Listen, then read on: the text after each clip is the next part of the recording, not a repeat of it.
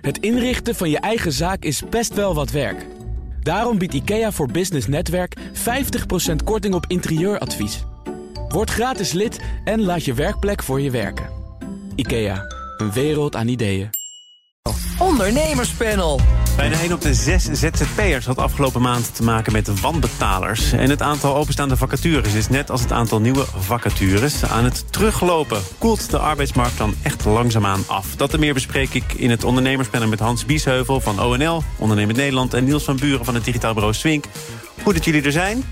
Hoe ondernemend was jullie Koningsdag? Kraampjes, spelletjes? Wat hebben jullie allemaal aan de mensen verkocht?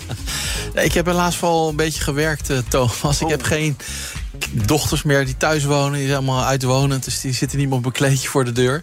Dus helaas uh, ben ik vooral een beetje achter het scherm... met uh, nou ja, de voorjaarsnota en allerlei andere dingen bezig. Nou, waar, waar dat toe heeft geleid dat dat hoor ik zo meteen. Ik ben toch even benieuwd. Wat heb jij gedaan? Ja, nee, ik heb mijn dochter van drie leren onderhandelen. Dus uh, ze wilde een, een, dokterskoffertje kopen. Dus dat was 2,5 euro. Ik zei, nou, dat doen we natuurlijk niet. En toen uh, het uiteindelijk voor, kost het voor 2 euro kopen. Dus, uh, dus ja. 2040, ondernemerspanel, jouw dochter. Ik hoop, weten waar het begonnen precies, is. misschien al wel eerder. Want ik denk dat zij wel een toppertje wordt. Dan, dat wordt een toppertje. Ja, Niels, wat is jouw nieuws van de dag? Ja, um, asielzoekers mogen volledig aan de slag via, van rechter... tot vreugde van werkgevers. Ik vond het eigenlijk gewoon een heel mooi bericht. Ik heb me wel vaker, volgens mij hebben we het hier ook wel eens in het panel over gehad. Over wat kun je doen zeg maar, om meer potentieel aan te spreken. En dat nou eigenlijk die hele groep, die met die 24 weken regel, ik weet niet of je dat goed kent, maar dat je maar maximaal 24 weken mag werken. En dat je als werkgever dan ook nog allerlei door ingewikkelde hoepels heen moet springen om überhaupt iemand aan de slag te krijgen. Er is er zo'n grote groep. En we weten dat het de participatie in de maatschappij ook bijdraagt als je gewoon betaald werk hebt. Dus ik, ik vond dit gewoon een heel mooi bericht. Ik denk eindelijk. Strikt erom. Hartstikke ja, mooi. Jammer dat het dan uiteindelijk wel door een rechter afgedwongen moet worden, overigens. Maar goed. Ja, nou, goed nieuws. Uh, je weet, ik ben ook verbonden aan Credits. Die begint nu met uh, ondernemersschool voor statushouders uh, in 17 gemeenten in Nederland. Nou, ook een mooi initiatief. Ja. Je hebt nog de Dreamers, hè? dat zijn de kinderen ja. van mensen die hier illegaal naartoe zijn gekomen. Daar wordt ook veel over gesproken. Laat ze alsjeblieft werken. Dat is ja, nou, we, altijd... we, kunnen natuurlijk arbeidskracht heel goed gebruiken. En vaak zijn ze ook heel hoog gekwalificeerd. Precies. En goed opgeleid. Alleen niet altijd helemaal afgestemd op de Nederlandse markt. Maar je merkt dat ook met Oekraïners... dat ze eigenlijk heel snel inpasbaar zijn in het uh, arbeidsproces. Dus volop inzetten. Ja. ja. Dan, jij hebt je gisteren blijkbaar, Hans... terwijl de rest van Nederland uh, genoot van het zonnetje... door de plannen die al naar buiten zijn gekomen, gekomen rondom de uh, voorjaarsnota heen geploeterd. Ja. Wat is jouw analyse? Nou ja, de analyse is een hoop grote besluiten uit het vorige regeerakkoord. Die worden dus uitgesteld. Hè. Nou, gratis kinderopvang, uh, opleidingsbudget, het stapbudget wordt eigenlijk afgeschaft. Dus het zijn wel hele grote beslissingen. Uh, tegelijkertijd merk ik dat het kabinet ja, vooral heel veel klimaatplannen op elkaar stapelt. En bijvoorbeeld de energiebelasting hè, voor heel veel ondernemers, voor het MKB gaat fors omhoog. Nou, ik ben helemaal niet tegen die verduurzaming of die, tegen de energietransitie. Maar ja, elektrificeren klinkt makkelijker dan het uh, is op dit moment in Nederland. De conclusie van het FD in een artikel over die nieuwe klimaatplannen was juist: het kabinet durft toch niet echt door te zetten. Hangt nog altijd heel veel op aan subsidie, omdat ja. beprijzen en belasten maatschappelijk en politiek te ingewikkeld ligt. Ja, maar goed, maar die energiebelasting gaat wel fors omhoog op gasgebruik. En nogmaals, daar ben ik principieel niet op tegen. Maar ja, ik merk gewoon bij heel veel werkbezoeken in het land dat ondernemers wel willen. Maar moeilijk aan de financiering komen. Uh, de capaciteit op het net er gewoon vaak nog niet is. De handjes niet kan vinden om die zonnepanelen te installeren. En dan, dan wordt het gewoon een lastenverhoging voor bedrijven. Dus ik vind de volgorde ingewikkeld. Ik zou veel liever die bedrijven stimuleren om echt die investeringen te doen in die verduurzaming en de energietransitie. Dan nu allerlei lasten op te leggen. Waarvan ik, waardoor ik denk, ja, dan hebben we straks minder ruimte om te gaan investeren. Dus dat, daar zit een beetje mijn zorg. Plus, ik had afgelopen woensdag 10 MKB-ondernemers in het ondernemershuis op bezoek. Was iemand uit het Europese parlement bij. En wat mij opviel in, in dat gesprek was de ondernemers zeggen: die beleidsonzekerheid in Nederland is zo groot. Hè? Ja. Dat heeft te maken met vergunningen. Dat heeft te maken met nou, uh, be, uh, dat beleid. Het, het, beleid uit het regeerakkoord is nog niet eens uitgewerkt. En dan komt weer alweer volgende plannen. We horen allerlei ingewikkelde plannen vanuit Brussel. Uh, en mensen overzien het gewoon op dit moment niet. Ik merk echt dat het draagvlak voor die plannen er principieel vaak wel is, maar ze overzien gewoon de consequenties niet. En daarom zei ik ook woensdag: van ja, je moet, je moet eigenlijk meer uitleggen en minder opleggen. Hè? Want we zijn heel veel aan het opleggen. Zoals je het goed uitlegt, willen mensen wel. Uh, maar je werkt, de weerstand zit vooral in die, dat ze het gewoon niet overzien. Misschien mag ik nog één klein persoonlijk oh, nootje nou, geven bij het nieuws van vandaag. Is, ga je gang. Want ik, ik, vanavond uh, ben ik gastheer van uh, Joep van het Hek in de Amare. Een van zijn laatste live optredens die hij doet. Hij, hij doet zijn laatste tour. Wauw kijken we ongelooflijk naar uit om hem vanavond eh, in Amare te zien. En ik was een beetje licht nostalgisch de afgelopen dagen. Ik heb gisteren veel liedjes van Paul van Vliet eh, gedraaid thuis. Want ja, ik werk in, op het toernooiveld. Nou, hij woonde er 100 meter vandaan. Ik zag hem vaak op de Dennenweg en bij de Posthoorn. En ik ben ermee opgegroeid. Dus een beetje licht, licht nostalgisch gevoel dat hij overleden is. Tegelijkertijd kijk ik enorm uit naar maar, uh, Joep vanavond. Dus. Wauw, veel plezier. We gaan uh, over iets anders praten, namelijk het afkoelen van de Nederlandse economie. Dat is ook terug te zien op de arbeidsmarkt, waar het aantal openstaande vacatures langzaam terugloopt. In maart was een daling van 5% te zien ten opzichte van dezelfde maand vorig jaar. En het aantal nieuwe vacatures liep zelfs met 10% terug. Uh, dat is uh, opmerkelijk, zeker gezien de afgelopen jaren dat we vooral hebben gesproken over krapte. En het einde was nog niet in zicht. Denk jij, Niels, dat er echt sprake is van een kentering? Ja, ik, ik, ik, zat er van tevoren over na te denken. Ik weet niet of het nou echt een kentering is of dat het gewoon meer normalisatie is. Hè? Dat je het meer zo uh, zou moeten noemen. Want kijk, er is nog steeds een uh, gillend tekort aan mensen. Iedereen die ik spreek, uh, we vinden het zelf ook moeilijk om mensen te vinden. Um, dus ja, ik, nog, ik zou het eerder een normalisatie noemen. Oh. En, en ook, ook, ook, geen terughoudendheid bij bedrijven om nu nieuwe mensen aan te nemen. Randstad kwam daar volgens mij mee dat er toch ja, enige huiver is om nu op het moment dat er zoveel onzekerheid is, of dat nou beleidsonzekerheid is of iets anders, om dan toch te zeggen van uh, kom bij ons. Nou ja, ik ben uh, opgegroeid, opgeleid altijd met dat Randstad uh, en, en, hoe het met Randstad gaat. Een goede voorspeller is hoe het met de economie gaat. dus ik dacht gelijk, oh, als het minder gaat met Randstad, dan zal het allemaal wat minder worden. Maar maar ik, ook als je in hun cijfers en de berichtgeving leest, dan spreken zij ook eerder van een, een soort normalisatie. Hè, want er is nog steeds heel veel werk voor ze te doen.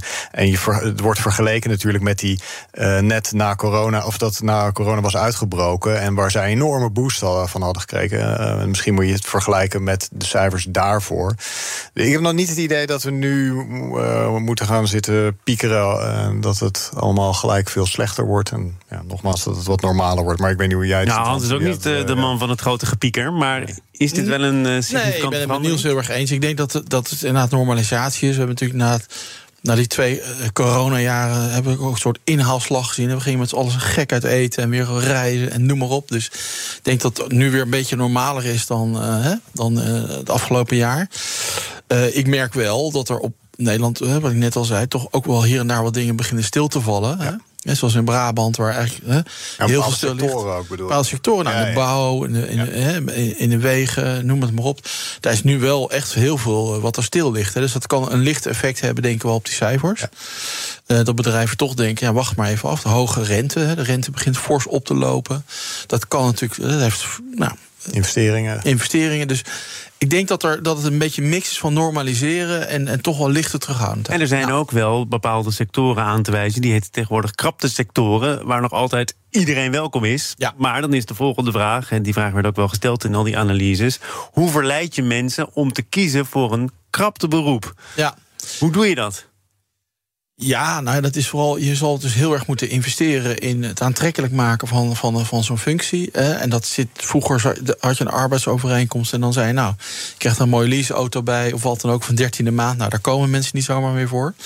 Hè, mensen willen zich kunnen ontwikkelen, die willen precies weten van hé. Hey, uh, zit ik een beetje in een maatschappelijk leuke omgeving, hè, waar ik meer kan doen dan alleen maar werken. Dat zijn allemaal dingen waar je moet investeren. Volgens mij is geld toch ook nog wel belangrijk. Geld blijft heel belangrijk. Onderzoeken, hè? mensen hebben het uh, heel vaak en graag over uh, ja. collega's die leuk moeten zijn en het werken voor een betere wereld. Nou, begin... Niels, dat weet jij natuurlijk ook. Het ja. draait ook wel om uh, maatschappelijk relevant zijn, maar ja. er hoort ook een serieuze financiële beloning maar bij. Die onderzoek, ja, maar die onderzoek waar jij refereert, er komt eigenlijk stevast geld voor, die, zeg maar, komt op plaats 10 ongeveer uit. Ja, joh, dat is toch sociaal wenselijk of niet? Ja, misschien. Maar goed, ik vind het opvallend wat Hans ook zegt. Is de mensen uh, kiezen steeds vaak voor een maatschappelijk beroep. Stond twee weken geleden in het FD Magazine ook uh, allerlei profielen van mensen die corporate leven achter de rug hebben.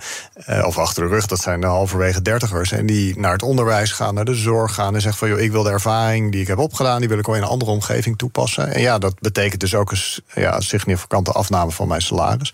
En ik denk dat je het aantrekkelijk moet maken in andere factoren. Dus niet alleen maar geld. En dat mensen vooral op zoek zijn naar van, nou ja, oké, dit is het minimale wat ik in ieder geval wil hebben. Dus uh, heel goed dat er ook naar het onderwijs de laatste jaren zoveel extra geld gegaan is. Dus dat maakt het aantrekkelijker. Ik zie het ook in mijn omgeving dat heel veel mensen die, die stappen en die keuzes maken.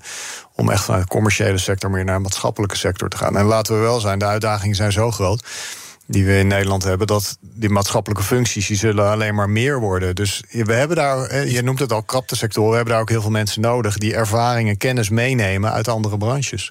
Ja, het verdienvermogen, ik ben het er mee eens, hè, maar het verdienvermogen blijft ook belangrijk. Hè, want uiteindelijk, ja, die, die, die geldmachine hebben we keihard nodig de komende jaren. Dus Ehm, ja, mooi, al die maatschappelijke dingen, helemaal voor. Moet ook zorgen dat we in die verdiencapaciteit van Nederland blijven investeren. Ja, ik zou hem omdraaien. Als kunnen we niet her... Nee, maar we, moeten, we willen natuurlijk heel veel herverdelen en uitgeven. Maar het moet eerst wel verdiend worden. We willen herverdelen, ook Hans Biesheuvel? Nou, nee, de politiek. Ik zal het wij verdienen dit. Maar even. Nee, nee, nee. Nou, de politiek uh, herverdeelt en geeft het uit. Wij moeten het verdienen. Dat is, dat is de volgorde. Nee, nee, nee. Maar je moet wel eerst tegenover staat iemand die dat graag andersom ziet, begrijp ik, Niels. Ja, kijk, dit wordt natuurlijk heel erg gedreven door het idee dat wij moeten groeien als economie ook. Hè. En uh, je kan op een gegeven moment ook zeggen van ja, weet je, we hebben uh, het met elkaar hartstikke goed en we gaan het inderdaad op een andere manier herverdelen. Maar de krapte wordt mede veroorzaakt door de groeiambities die we hebben en die we willen realiseren. Ja, het is niet alleen groeien. Het is ook, we willen ook de energietransitie. We moeten ook digitaliseren. We, hebben, uh, we willen ook een leven lang uh, ontwikkelen. Hè. Veel beter op een hoger plan brengen. Dus groeien, ja, maar we hebben ook gewoon heel veel uitdagingen om überhaupt uh, de, zeg maar, de verdiencapaciteit of de. Ja. Uh, wat ja, ja, ik zeg, kijk, de krant, als de krantenkoppen, uh, als het uh, BBP 0% is, dan gaan alle alarmbellen aan. Ik denk, ja, waarom? Uh, nou, omdat wat Hans zegt natuurlijk waar is. Als je de wereld een beetje beter achter wil laten of uh, mee wil gaan. Als je de wereld een beter achter wil laten, ja, dan, dan, moet je accepteren met elkaar dat je even, uh, niet een salarisgroei van 3% hebt. En dan moet je zorgen dat de kosten natuurlijk, hè, dat die ook niet. Ja, maar dat moet je bij van de vakbonden ook uitleggen. Hè, want die willen nu 10, 15% salarisverhoging overal. En ja, omdat de boodschappen betaald moeten worden, toch? Precies, nee, maar goed, het is. Het is maar dan kun je ook zeggen van we moeten als bedrijf iets minder rendement maken dan 10, 15%. Hè, en dat betekent, kom je bij de aandeelhouder uiteindelijk uit en bij de investeerder, die die eisen opleggen ook. En daar, in dat systeem, daar zitten we in vast. En als je dat systeem kan veranderen, dan hebben we deze problematiek ook helemaal niet met elkaar. Want wij proberen alleen maar alles door te laten groeien. En een plantje kan ook niet tot in de eeuwigheid. Als je die 3% bbp-groei eh, zeg maar, lineair door zou trekken, ja, dat kan niet. Maar wil jij met je bedrijf bijvoorbeeld groeien? Het wij maken niet een forecast en zeggen van wij willen zoveel procent groeien. Het is een gevolg van het beleid dat we eh, voeren, of we wel of niet groeien. En wij zeggen van wij willen werkplekken creëren en dat moet op een gezonde manier. En gezond betekent ook dat er onderaan de streep een, een goed resultaat uh, blijft staan. Hè. Dus we moeten winstgevend zijn, want dat is sustainable ook. Maar het, ik heb niet de ambitie om te zeggen van nou het moet elk jaar 10% groeien of zo. Ja, de afgelopen jaar, drie jaar zijn we wel elke keer 40, 50% gegroeid. Maar dat, dat hadden we nooit van tevoren opgeschreven. Nee, maar ik ben het eens dat. Kijk, we hebben lange tijd te eenzijdige blik gehad op het groei. Hè? Het moet alleen maar groei zijn bij bedrijven, daar ben ik het mee eens. Maar ik zeg tegelijkertijd, ja, om die welvaart op peil te houden en tegelijkertijd al die doelen die we met elkaar hebben, neem ook maar eens even de zorg. Hè. Ik bedoel, ik was voor, voor uh, begin van de week bij een lezing uh, en daar heb ik geleerd dat, zes, dat we over in 2040 600.000 mensen extra nodig hebben. Ja. Ten opzichte van nu in de zorg alleen al. 600.000 mensen meer. En straks 1 op de 3 mensen in de zorg werkt. 1 op de 3. Hè? Bizar, hè? Maar goed, dat gaat 200 miljard op jaarbasis kosten. Nu al 100 miljard. Ja, dat moet wel opgebracht worden. moet wel verdiend worden. Dus ja, ja minder eenzijdige groei focus op alleen maar groei in bedrijven. Maar er moet wel verdiencapaciteit zijn om te investeren in al die maatschappelijke doelen. We gaan het hebben over mensen die wel iets verdienen, maar het lang niet altijd krijgen. BNR Nieuwsradio. Zaken doen. Thomas van Zeil. De leden van het ondernemerspanel zijn Hans Biesheuvel en Niels van Buren. Bijna 1 op de 6 ZZP'ers had afgelopen maand te maken met wanbetalers. En wanbetalen, dat wil niet zeggen iets te laat krijgen. Nee, iets helemaal niet krijgen. Blijkt uit onderzoek van Interpolis. En de directeur bedrijven van die verzekeraar, René Voets, die zag wel wat verklaringen, liet hij weten aan mijn collega Bas van Werven. We vermoeden dat, dat inflatie en de gestegen kosten, ja. grondstofkosten, personeelsschaarste uh, uh, en de onzekere economie ervoor zorgt dat consumenten dan wel uh, bedrijven als opdrachtgevers gewoon kritisch kijken of naar hun uitgaven of niet meer kunnen betalen. Ja, kritischer kijken naar hun uitgaven. Een heel lijstje aan potentiële verklaringen gegeven hier. Maar je hebt toch uh, gebruik gemaakt van de dienst of de productie van die, van die ZZP'er? Het lijkt me ook eens een beetje als ik. Uh, de bakker ga ik kopen brood en daarna zeg ja, ik heb nog even kritisch naar mijn uitgavenpatroon gekeken. Ik ga niet met. Ja, dat werkt natuurlijk. Maar het is natuurlijk, het is niet uit wilde uiteraard dat dit gebeurt. Nee, dat klopt ja. Maar het lijkt me verschrikkelijk als, als ZZP'er. Weet je, als jij. Uh, ik ga er maar even vanuit als je de zakelijke dienstverlening, dat is een beetje mijn referentiekader. Maar ja, je kan natuurlijk ook in de bouw of in andere sectoren zitten. Uh, waar veel ZZP'ers rondlopen, tegenwoordig in de zorg ook. Uh, ja, uh, als jij niet betaald krijgt, dan heb je een serieus probleem. Maar ik denk altijd wel. De, de aanleiding kan dan bijna alleen maar zijn dat als, als het bedrijfsmatig is, dat het of niet eens zijn met de dienstverlening die je geleverd hebt, of uh, dat er een serieus geldprobleem is. Maar ja, ik weet niet hoe jij het ziet. Maar dat, uh... Nou, kijk, ik, ik, ik zie. Ja, kijk, je ziet wat je ook vaak ziet, dat die ZZP'ers die zijn dan vaak blij met de opdracht. Ja. Maar zijn van tevoren les niet heel goed vast van hey, wat zijn we echt, echt overeengekomen? Hè? En een goede betalingstermijn overeenkomen. Hè? En ook op tijd, nou ja. Uh, reclameren als je, als je rekening niet betaald krijgt. Dat, dit zegt dus vooral iets over ongelijke verhoudingen. Ja, precies. Want ZZP'ers hebben vaak een beperkt aantal opdrachtgevers. Denk je, ja, die opdrachtgever niet tegen de hagen instrijken. Dus nou, hè, maar niet al te streng zijn op uh, tijd, tijdig betalen van de factuur. Terwijl ik zeg, ja, je hebt gewoon een dienst verleend, je bent iets overeengekomen. Moet je gewoon netjes aan de afspraken houden. Um, maar je ziet het ook tussen, tussen MKB-bedrijven en grote bedrijven. Klopt. Ook daar is niet altijd sprake van een klopt, evenwicht. Klopt. Nou ja, daar hebben we nu hè, gelukkig uh, de wet op de betalingstermijn is flink aangepast. Hè. De wettelijke betalingstermijn is gewoon 30 dagen. Uh, ik en, kwam een onderzoek tegen. Ja. Misschien heb jij een ander onderzoek gelezen, Niels. Dat kan, hè? Want ik dacht ook al dat geld uh, belangrijker was ja. dan uit jouw onderzoeken bleek. Maar vorig jaar onderzoek dat veel grote bedrijven hun leveranciers later betalen dan ze van hun eigen klanten zouden accepteren. Ondanks wat er allemaal ja, wettelijk is afgesproken. Ja, maar het is gewoon inkoopmacht. Hè? Ja. En, en, dat is al jaren. Ik heb het zelf ook als ondernemer heel veel meegemaakt. Ik lever aan grote retailers. Ja, die spelen gewoon steeds uit, zeg maar. En als je dan zegt, nou, ik lever niet meer, ja, dan lig je eruit. Kom je er moeilijk meer in. Dus dat is een ingewikkelde positie. Maar nogmaals, die wet op die betalingstermijn is vorig jaar ingegaan. Die is wel veel strenger voor die grote bedrijven. Ook vanuit, uh, zeg maar, uh, MKB-perspectief. En ik vind, als je nog verder uitbrengt, of je nou ZZP bent of MKB, leg dat gewoon goed vast.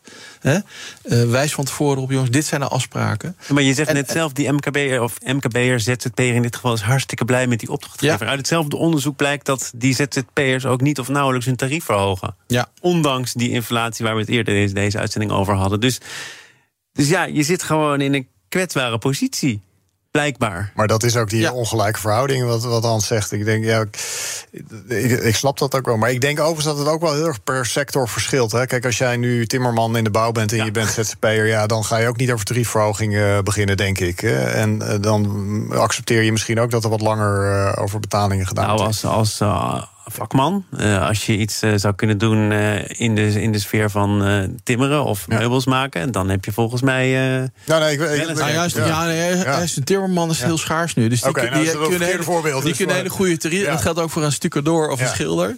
Die zijn bijna niet meer te vinden in Nederland. Maar het, is, het hangt per, inderdaad per sector wel een beetje af van je, wat je, hoe, hoe sterk jouw positie is. Als je opdrachtgever je heel hard nodig hebt, ja, kan je makkelijker onderhandelen. Is dan helemaal zo. Maar ik zie wel heel veel ZZP'ers, ook kleinere Die zijn gewoon niet zo goed in goed die offerte ook ja. de, de, condities erbij vastleggen. Terwijl je al die ja. standaard documenten ook allemaal kan downloaden. Hè? Ja, precies. precies. Ja, of je zegt als ik niet binnen x aantal weken wordt betaald, dan komt er nog uh, een percentage op. Ja, dat kan je gewoon vastleggen. Hè? Ja, gewoon vastleggen, maar dan krijg je het alsnog niet misschien.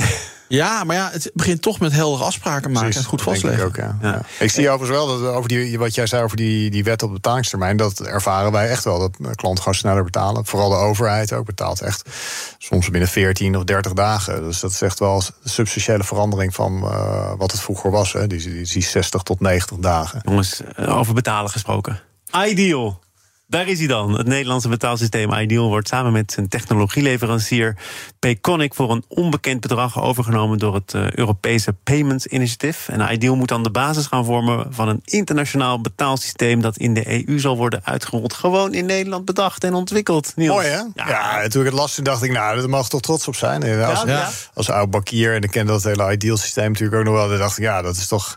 Ik, uit dat tijdperk weet ik ook nog dat Nederland echt voorop loopt. Gewoon qua uh, betalingsverkeer en hoe we de technologie geregeld hier hebben. Dat, ik weet niet of iedereen dat weet, maar dat is zo ten opzichte van, uh, van andere landen. Kijk naar Duitsland. Ja, en dan is het tof dat die technologie ook uitgebreid wordt. En dat biedt denk ik ook heel veel kansen voor uh, ondernemers, voor webshops uh, in Nederland. Biedt natuurlijk ook wel bedreigen, uh, bedreigingen, omdat anderen dan dezelfde technologie in Nederlandse consumenten kunnen aanspreken. Maar per saldo oh, ja. wordt natuurlijk makkelijker om in het buitenland ook zaken te doen met ja, hetzelfde betaalsysteem. Ik zag alleen maar voordelen, maar andersom werkt het natuurlijk net zo. Er zijn natuurlijk iets meer Duitsers dan Nederland ja. bijvoorbeeld. Dus, ja, ik denk dat het vooral kans oplevert hoor. Ik, bedoel, ik ben ook wel een beetje trots op dat Nederland Nederlandse, technologie zo fantastisch is, blijkbaar. Ja. Alleen maar heel mooi. En ik ja, denk... Het heeft ook mee te maken dat volgens mij uh, die banken dat gezamenlijk willen doen. Ja. Volgens mij is er heel veel haat en nijd. Ja, je bent oud-bankier. Maar uh, tussen al die banken en het uitzonderlijke is dus de overeenstemming, wij gaan hier gezamenlijk ja. achter staan en dan moet het maar gaan werken. Nou, maar het is ook mooi. Je ziet nu ook met de geldautomaten, toch? Dus nu tegenwoordig ook gewoon, je ziet niet meer bij wie je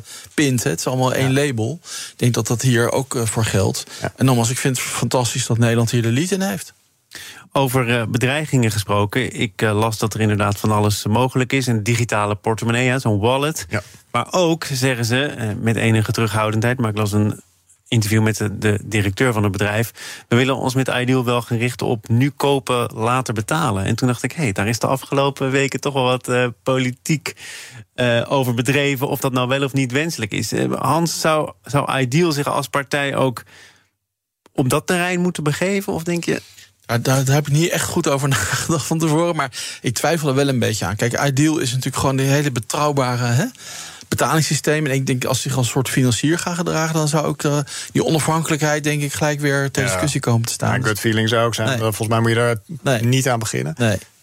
Ten eerste, het is gewoon een infrastructuur. Hè, dus het is, ja, en dat, het is gewoon basisvoorziening. En door dat heel goed te regelen, maak je het voor heel veel online bedrijven maak je het echt makkelijk. Maar focus daar dan op. En, en niet op allerlei vage kredietverlening, waardoor je mensen nog meer in een probleem helpt. Maar die, die infrastructuur die kun je dus alleen voor elkaar boksen als je verschillende instellingen ook eh, dezelfde kant op kunt laten kijken. Denk je dat dat dan met die overname van Ideal eh, dichterbij gekomen is? Dus ook in Europees perspectief? Ja, het lijkt mij wel. Maar kijk, jij refereerde net aan het Nederlandse kader. En ik, ik weet gewoon dat in Nederland zijn banken in staat om heel goed samen te werken op dit soort terreinen. Niet op alle terreinen, maar hier wel. Dit is echt een schoolvoorbeeld. Uh, en ik, ja. Ik hoop dat dat het uitgedragen kan worden binnen Europa.